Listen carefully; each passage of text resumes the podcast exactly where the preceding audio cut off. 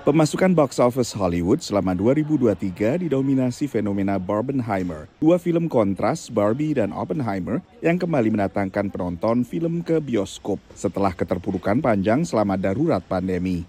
I think 2023 in film, at least from my standpoint, has been about everybody getting their priorities straight. And it's sort of been a referendum for original director driven creative movies like like Barbie, like Oppenheimer, and also just for the necessity of of having talent and supporting your talent. Banyak film akhirnya sukses, kadang melebihi ekspektasi, mulai komedi horor Cocaine Bear hingga film konser oleh Taylor Swift dan juga Beyonce. Pada saat yang sama banyak yang akhirnya mengecewakan di box office, termasuk film-film yang selama ini mengikuti formula yang sebelumnya sukses This year also saw a bunch of movies that were supposed to be some of the biggest movies of the year sort of fizzle out. You know, Indiana Jones and the Dial of Destiny was sort of came and, and went and it didn't do incredibly well. Um, superhero movies, you know, not all, but a lot of the DC movies really, really struggled. Um, the Flash um, being one of them, Blue Beetle, um, yeah,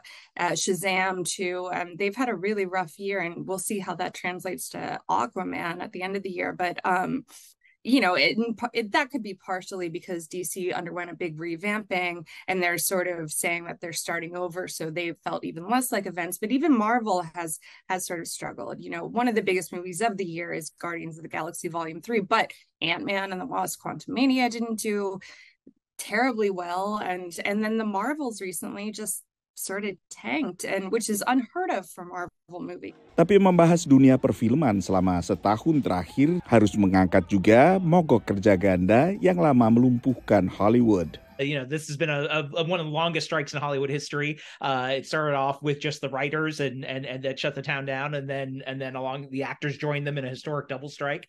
Uh, and it, its production's been on pause for six months, which is uh, insane to think about, really. Salah satu film blockbuster yang akhirnya tertunda penayangan perdananya akibat mogok penulis naskah dan aktor adalah bagian kedua film fiksi ilmiah Dune yang semula akan dirilis Oktober lalu, tapi ditunda hingga Maret mendatang. Pergantian tahun ditandai dengan penayangan perdana sejumlah film. Bila bukan film sequel seperti Aquaman, maka film yang menggunakan konten yang sudah dikenal.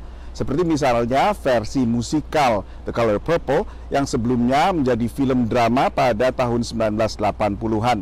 Lalu selama 2024 akan ada sejumlah film sequel lainnya selain Dune juga film sequel The Joker dan Kung Fu Panda. Dari kota New York, saya Nova Purwadi dan tim VOA.